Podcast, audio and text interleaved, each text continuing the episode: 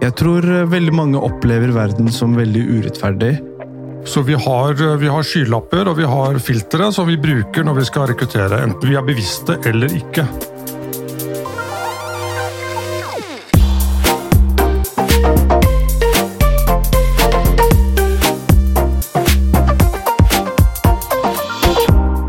Skal vi lykkes i morgen, må vi ta gode beslutninger i dag. og Derfor har vi invitert noen av landets mest toneangivende mennesker for å snakke om temaer vi vet vil forme livene våre fremover.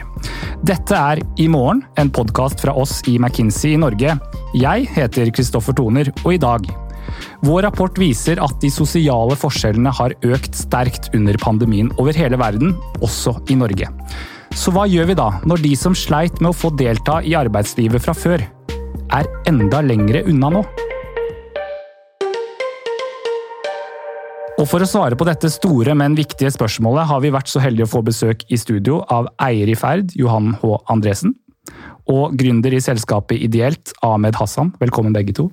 Tusen takk. Ahmed, du har altså grunnlagt Ideelt. Hva er det dere gjør? Ideelt jobber med å skape aktive, trygge møteplasser gjennom å ansette lokale ungdommer. Og dette er ungdommer som trenger den hjelpen eh, for å få den, denne jobben? Det som kjennetegner ungdommene som vi ansetter, er at eh, de ikke har erfaring. Eh, de har ofte lav motivasjon, mm. og også lave forventninger til fremtiden. Så dette er deres første møte med arbeidslivet. Det er derfor det er et uh, veldig prekært uh, og viktig samarbeid, hvor vi også skal uh, sette, da, sette premissene for hvordan arbeidslivet fungerer for en 16-17-18-åring. Vi skal jo snakke mer Ahmed, om hva dere gjør, men helt i starten, Johan, slike sosiale entreprenører som det Ahmed representerer, er det kanskje viktigere nå enn noen gang at eh, denne jobben gjøres? Ja, altså Egentlig har den vært like viktig hele tiden. For det er alltid noen som, som du nevnte, er, som er utenfor. Um, og kanskje en del ungdom er utenfor av andre grunner nå enn de var tidligere.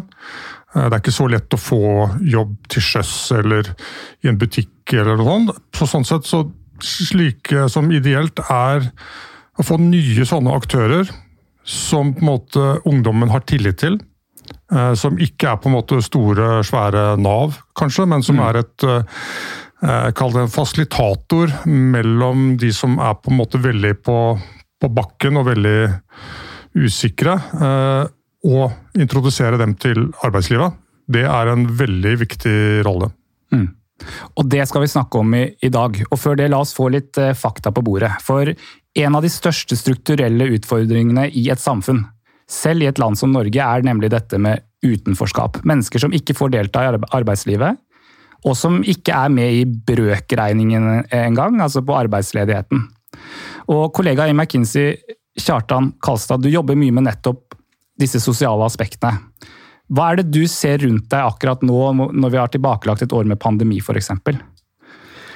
Jeg tror vi ser flere ting, Kristoffer, på kanskje litt uh, ulike nivåer. Hvis vi ser på et helt overordnet nivå, så ser vi dessverre at pandemien har økt de sosiale ulikhetene mellom mennesker. Uh, I vår globale rapport om uh, arbeidslivet i, i, verden, så ser vi at spesielt de lavtlønnede yrkene er hardest rammet av arbeidsledighet. Det ser dessverre ut til at det kan vare, kanskje på tross av den optimismen og etterspørselsøkningen som vi nå ser når landet åpner opp igjen i ulik fart og, og omfang. Mm. Og så På toppen av dette så ser vi også at de trendene som var eh, veldig i vinden allerede før pandemien, også bidrar til eh, dette. Eh, vi kan nevne digitalisering, robotisering og automatisering som noen eksempler, som vi ser at spesielt øker da eh, forskjellene mellom høytlønnede og lavtlønnede i samfunnet. Mm på et globalt nivå. Ser du det samme i Norge? Ja, dessverre så, så, gjør vi vel det. Eh, et eksempel er vel at eh, dagpengesøkerne i Norge har også vært unge, eh, lavt utdannede og de med lavest lønn fra før av. Hvor, hvorfor er vi spesielt bekymret for dem? Nei, altså De unge er fremtiden. Enkelt og greit. Eh, de, vi skal ikke svartmale situasjonen, men hvis vi ser på noen faktapunkter eh, som kanskje liksom ikke akkurat er lystig lesning nå, så er det for det første at eh, de, de, det er absolutt flest unge som er arbeidsledige nå. Det er flest unge som har enten blitt permittert eller er permittert eh, gjennom eh, pandemien. Unge arbeidsledige ser vi har lavest utdanning eh, og kommer fra grupper med lavest eh, eh, lønn. Og kanskje liksom, til dels fordi at de er unge, men også fordi at de er eksponert i de mest lavtlønnede yrkene. Og, og, til slutt så ser vi også at én av ti unge i Norge faktisk står utenfor arbeidsstyrken. Som, og, og, og, denne andelen har faktisk også økt det siste året. Mm, så én av ti unge utenfor Johan, hva tenker du om at den unge generasjonen er såpass hardt rammet av pandemien som de er blitt?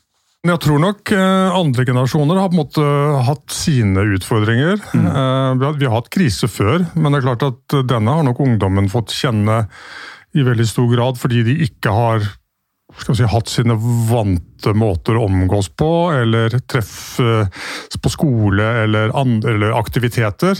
Sånn at den har nok testet liksom deres evne til å tilpasse seg. Um, og I en viss grad så tror jeg de gjør det, men det er klart de som slet før, enten det er pga. mental helse, krevende sosiale situasjoner i familien osv., de har antageligvis fått det enda vanskeligere nå.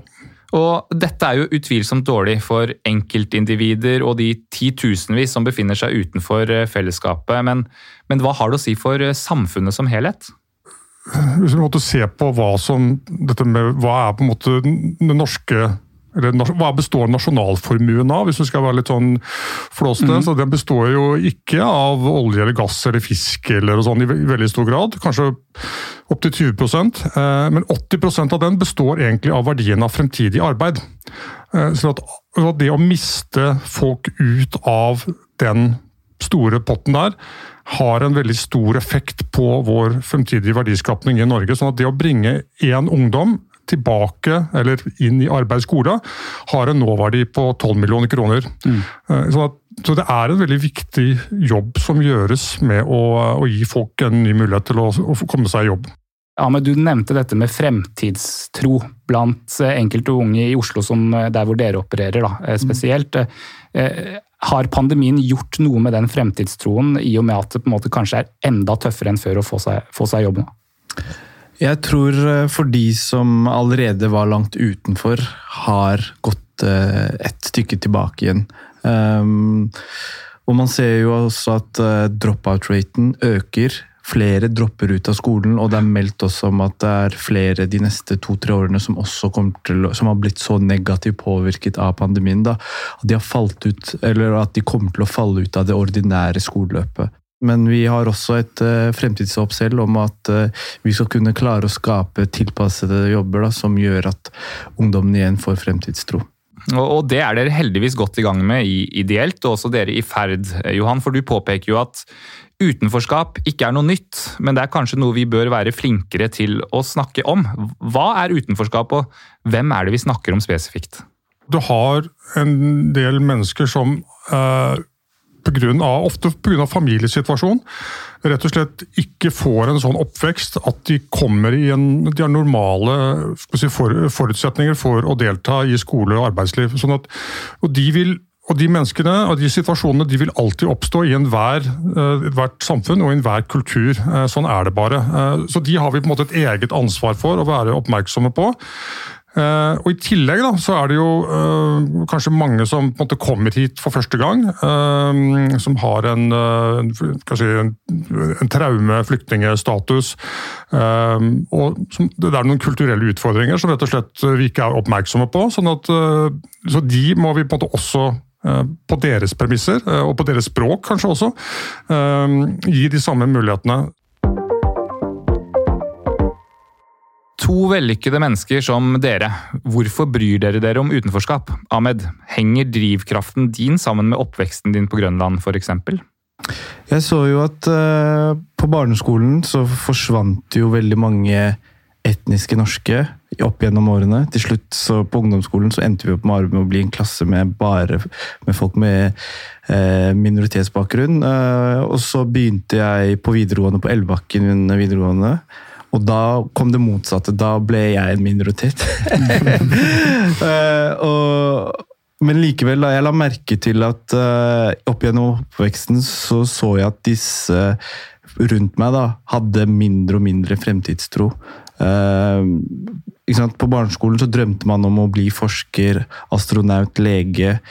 Til at man uh, var bare sånn Ok, jeg gleder meg bare til å fullføre videregående. Så ambisjonsnivået dør ut, har jeg la merke til, og det var noe som kicket meg. da, Veldig. Og hvorfor det? Hva var det de opplevde? Var det muligheter de ikke fikk? Jeg tror andre? veldig mange opplever verden som veldig urettferdig, og at eh, ok, det, dette kom, jeg kommer ikke videre enn dette her. Ja. Og det er det som rett og slett får deg til å stå opp og jobbe med ideelt hver dag? Det får, det får meg til å ønske at jeg kunne gi dem muligheter tidligere. Hmm. Johan, du har jo gått reisen fra Eh, og det blir jo litt klisjé, men jeg må si det. Fra tobakk til bærekraft, du er en av landets rikeste. Så bruker du mye av tiden din på sosialt entreprenørskap. Eh, hvorfor det? Ja, Vi har en feil, har en visjon om at vi skal skape varige verdier og sette tydelige spor. Det er en litt sånn flåsete visjon. Den, den, må fylles med noe konkret. Og vi har funnet ut, og jeg har funnet ut, at vi kan gjøre en forskjell med å skalere sosiale entreprenører. Eh, og det er klart at Med en gang du får du, ser du ser effekten av det du gjør, på et område hvor ingen hadde trodd, ikke vi selv engang, hadde trodd at vi skulle gjøre forskjell, det gir et kick, og det som gir deg kick, det vil du gjøre mer av. Så det var litt overraskende at eh, det virket? Eh, ja, jo, for så vidt. At det kunne virke i den omfanget og på så mange forskjellige arenaer. Og at det engasjerer Eh, folk hos oss i den grad, og at vi rekrutterer bedre, mye bedre, tror jeg, fordi vi har disse engasjementene enn om vi ikke hadde hatt det. Eh, det har, eh, det har også forandret oss. Og Det har en, gitt oss en tro på at vi kan være liksom en bidragsyter i samfunnet utover de vanlige bedriftene. Selv om de alltid nok sånn verdiskapningsmessig vil være de viktigste. Ja, fordi, fordi, Grunnen til at jeg også spør litt om dette med engasjementet ditt, er hender det du blir utfordret på det? Eh, ja, i begynnelsen, da. Så, så, ja, naturligvis i begynnelsen så var det sånn ok, du skal liksom eh, litt sånn alibi for eh, Eller gjøre opp for gamle synder type mm. ting. Eh, men det er det ikke så mye spørsmål om nå lenger. Som jeg sa, vi har, eh, vi har skalert 26 sosiale entreprenører. Vi har vært i kontakt med 60 totalt. Ehm, vi har på en måte gjort alt fra å skrive en, eh, eller lage en juridisk veileder, slik at kommuneansatte kan kjøpe fra sosiale entreprenører. Ehm, vi har på en måte fått inn sosialt entreprenørskap i mange av partiprogrammene. Ehm, så vi har jeg tror vi har flytta nåla litt, da, som det mm. heter. Så her finnes det en mulighet for å å eh, bidra til innovasjon da, for å løse noen av disse problemene. Og ikke bare ulikhet, sånn som vi snakker om her, men det finnes en rekke kroniske problemer i samfunnet som la oss si, den store velferdsstaten ikke treffer godt med sine nåværende løsninger. Jeg ser at du sitter og nikker litt, Ahmed. Betyr at du er enig? Ja. Og eh, hva er, det, hva er, det, du har sett at virker? For du har jo liksom gjort dette i praksis. Én ting er jo å få si, finansiell og strategisk støtte og tyngden fra et selskap som, som Ferd i ryggen. Men eh, noen må jo gjøre jobben der ute, møte menneskene som skal ansette. Og ikke minst møte menneskene som skal eh, jobbe. Hva er det som du har funnet ut at er suksesskriteriene for å Lykkes med mennesker? Ja. Uh, en ting er å ha troen, men man må også gi muligheter. Uh, muligheter som gjør at uh, ungdommene våre da, har forutsetninger for å lykkes. Så det vi er gode på, er å kartlegge hver enkelt ungdom, hvor vi ser både styrkene og svakhetene, og prøver å bygge styrkene opp. Og også prøver å også gjøre dem bevisst på hva er deres utfordringer. ikke sant? Ehm, det vi også har vært gode på da, på bakkenivå, er jo også at eh, vi har åpnet dører. Så veldig mange av våre ungdommer, da, når de først får en jobb hos oss, så klarer dem også å få den selvtilliten som gjør at de kan søke seg videre. Så veldig mange av våre ungdommer har faktisk gått videre til sin jobb nummer to, som igjen gjør at vi kan ansette nye. Så vi skaper på en måte et rullebånd av ungdommer som kommer inn til arbeidslivet. Mm. Og, og, og jeg har sett at du har sagt at dere ansetter ungdom som kunne blitt et problem, men som heller blir en del av løsningen Ja. der de får jobb. Hva betyr det? Det er eh, forresten vårt første oppdrag. da, Det var jo på Deichmanske, på Tøyen og på Grünerløkka, hvor det var utfordringer knyttet til dette med meråpent, hvor bibliotekene hadde utfordringer med at vekteren og at ungdommen ofte kom i konflikt. Så alle så jo ungdommene som eh, problemet, men det vi så på dem var løsningen. Så vårt forslag var jo bare å fjerne denne vekteren, og heller ansette disse ungdommene som trivselsverter, og det fungerte. Etter bare to uker så sa opp eh, biblioteket kontrakten til det vekterselskapet. Er det konkrete måte, historier som dette Johan, som gjør at du eh, som får troen på at dette faktisk funker? Ja, Jeg vet at det funker, ja. Um, og det funker jo for altså Noen av de tøffeste å på en måte kan vi kalle det rehabilitere, er jo de som har en veldig lang rushistorie. Det finnes gatelag i dag, som vi var med å starte i Fredrikstad, uh, hvor du har årlig over 50 stykker uh, på en, la oss si, en populasjon på uh, 400-500 stykker, som går igjennom og som, sier, som kommer seg videre. Og du finner ikke tall i nærheten av det i noe annet uh, tiltak. Uh, sånn at disse innovasjonene, disse aktørene, bidrar med helt nye ting. Uh, og de eksemplene, historier man får høre, de er ikke anekdoter, de er representative for hva man kan gjøre. Så Det er ikke én, men det kan bli ti, det kan bli hundre, det kan bli tusen. eh, ved å måtte gjøre bare mer av dette og etterspørre egentlig den der effekten. da. Ikke bare tiltak som aktiviserer, men som faktisk flytter folk fra én situasjon til en annen. Ja, og på det punktet, altså du sier at det er representativt, og at det kan bli 10, 100, 1000, 10 000, men likevel, vi har jo disse spesialistbedriftene, altså de sosiale entreprenørene. Eh, Er det nok, på en måte, eller må dette inn i næringslivet, de vanlige bedriftene? Ja, nei, Det er ikke nok på, på noen måte. Altså, de sosialentreprenørene de har en ganske sånn konkret innovasjon, en spiss løsning på ett, si ett type problem. Da. Og så bruker de forretningsmessige metoder til å skape en bærekraftig virksomhet. Og for å kunne vokse den virksomheten ikke sant? og kunne ta inn flere mennesker og kanskje etablere seg i andre byer osv. Men for at dette skal bli til monne i stort, så må de norma, altså, det vanlige bedriftene, da, ikke bare de sosialentreprenørene, de må på en måte ta i bruk en del av innovasjonen som de sosiale entreprenørene bruker. slik at vi må kjøpe tjenestene fra sosiale entreprenører. Og det, og det forstår jeg, men, men, men opplever du at eh, disse vanlige bedriftene, som vi kaller de nå, tar det på alvor? Ja, eh, de begynner å gjøre det. Og det, det som er viktig med det, er jo ikke bare den effekten det har på de sosiale entreprenørene, men effekten det har på folk som jobber i de vanlige bedriftene. For de begynner å se på sine medmennesker, og de rekrutterer annerledes etter hvert. De ser på ok, denne personen har ingen av de formelle kravene til stillingen, men han har noe ved seg, han har et potensial. Jeg kaller han inn til intervju likevel. Sant? Og da starter liksom den store bølgen, for da kan, du, da kan du hente inn mennesker, selv om de har eh, hull i rullebladet, eller, eller pletter på rullebladet, eller hull i CV-en, eh, og, og gi dem den muligheten til å få kanskje en, eh, en stilling i det kalle, i en vanlig, helt vanlig bedrift. Og, og, den, og da kan det bli mange. Ja, og, og alle tall viser jo at det ikke er nok såkalte vanlige bedrifter som gjør dette enda, men, men hva er det de bedriftene som tør da å satse på utradisjonelle kandidater har forstått, eh, Kjartan? Nei, Jeg tror at de først og fremst har skjønt verdien av mangfold. eh, Det å ta samfunnsansvar. eh, Og vi har snakket i en av de tidligere podkastene våre om data fra vår mangfoldsrapport, hvor man ser at eh, bedrifter med eh, større grad av mangfold i ledergrupper f.eks. ser også opp til 35% høyere lønnsomhet i bedriften eh, gjennom rett og slett bedre beslutninger. Ok, så hva nå? Når vi hører at utenforskap i dag handler mye om at unge mangler framtidstro, som du sier, Ahmed, og vi vet at det er visse grupper som er spesielt utsatt, så er det jo veldig viktig å se på måten vi rekrutterer. Og Johan, har vi øynene åpne for alle typer eh, kandidater i dag? Nei, altså vi, det, er, det er menneskelig å måtte bruke erfaring til å på en måte sile Så vi har, vi har, skylapper og vi har filtre som vi bruker når vi skal rekruttere, enten vi, enten vi, er bevisste eller ikke. Sånn at skal vi på en måte få tak i, eller inkludere flere, så må vi både ikke overlate rekrutteringsjobben bare til headhunter og andre som måtte plukke i, lage bunken som de syns er interessant. Eh, vi må selv velge blant eh, dark horses, altså de som mm. har stort potensial, men eh, ikke oppfyller de formelle kriteriene.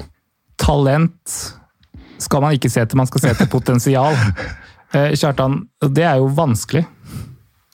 Ja, og, og, det å sile ut fordommer, som du sier, er ikke lett, og kanskje noen vil si umulig. Eh, jeg tror likevel det viktigste er å bestemme seg for å prøve ordentlig. Eh, og det er noen også strukturelle ting man kan gjøre i den rekrutteringsprosessen. Eh, vi i McKinsey f.eks. prøver så godt vi kan å ta dette på alvor også. Og, vi har eh, f.eks. introdusert dataspill som første eh, barriere for å åpne opp for flere kanskje som har potensialet, men ikke har det, det, det vanlige, klassiske potensialet. Vi prøver å kutte ut navn, bilde og andre ting fra CV-en for å, når vi som intervjuer skal møte personen som den er. Eh, og vi har også, som du vet, i Norden en pilot hvor også de som rekrutterer og sorterer eh, søknadsbunkene, eh, ikke ser dette. Sånn at de sorterer kun på det de ser. Tror du det er veien å gå, en sånn blind, litt mer blind rekruttering, Ahmed? til syvende og sist da, så er det jo mennesker som rekrutterer. Ja. og mennesker er til syvende og sist alltid bias. Man kan ta en Eh, blind screening hvor man tar en evnetest, tar en personlighetstest, men til syvende og sist så er det en person som intervjuer deg, og som bestemmer om du skal få den jobben eller ikke. Eh, og da viser også forskning at eh, man velger oftest å gå både for det tryggeste alternativet, og også det alternativet som du tror kommer bare til å være en culture, culture fit. Johan, hvis du skulle gitt ett råd til norske ledere som ønsker å gjøre noe med utenforskap? det er et stort eh, spørsmål. Eh, men for å rett og slett få fart på arbeidet, da. Hva ville det rådet vært? Altså jeg tror at Å gjøre disse endringene eh, i, innledende, i de innledende rundene, det forhåpentligvis øker det sannsynligheten for at man får se andre kandidater enn man ellers ville sett. Men til syvende og sist så er det da en person eller flere som tar den endelige beslutningen. Um, og hvis da i den innledende fasen man ikke har fått den såkalte tryggheten som overvinner fordommene eller biasene, så havner man jo i samme beslutning igjen. Så det er Man må nok prøve ut noen uh, Å ta inn folk kanskje mer på type internship, som er mer vanlig i andre land. Vi har lærlingordninger osv. Så, videre. så jeg tror vi må teste ut måter hvor vi ikke ansette folk nødvendigvis på 100% fra dag én, at de skal gå der mm. til det er pensjonsalderen, men gi dem begge muligheten til å teste hverandre ut litt. om man ikke bare som det ikke passer sammen, men om man, om man gjør hverandre bedre. Men det er verdt det. Det er ikke veldedighet. Det er jo det som er hovedpoenget her. Ahmed, du skal få akkurat det samme spørsmålet. Hvis du skulle sagt til bedriftsledere i Norge hva de bør gjøre for å inkludere flere, hva ville det vært? Ja, eh, Veldig mange tror at inkludering handler om at eh, ting man må unngå å gjøre. Men eh, faktisk så handler inkludering de, de tingene man aktivt må gjøre. Som eh, Johan nevnte, da, dette med å gå og lære. Det å lære eh, lære gjennom en praksisplass hvor man får muligheten til å vise at man kan passe inn og, og gjøre en god nok jobb. da. Så det å åpne opp for at folk får muligheten til å teste opp dette med internship, dette, det tror jeg kan være veldig viktig. Uh, mm, så rett og slett eh, oppfordringen til næringslivet er flere praksisplasser? Flere praksisplasser og muligheten til at Eller å gjøre det attraktivt til at folk søker, for det er veldig mange som ikke søker på disse arbeidsplassene også. Mm. Johan, Ahmed, tusen takk for at dere var med i vår podkast, og lykke til med det viktige arbeidet som dere gjør, begge to. Tusen takk. Kjartan, når en eier og investor som Johan og en gründer med pågangsmotet til Ahmed står i bresjen for å inkludere flere i arbeidslivet, da er det kanskje håp? Ja, jeg må i hvert fall si at jeg blir både imponert, eh, inspirert og kanskje enda mer optimist enn jeg pleier å være. Mm. Så på å høre på hva de, de forteller om.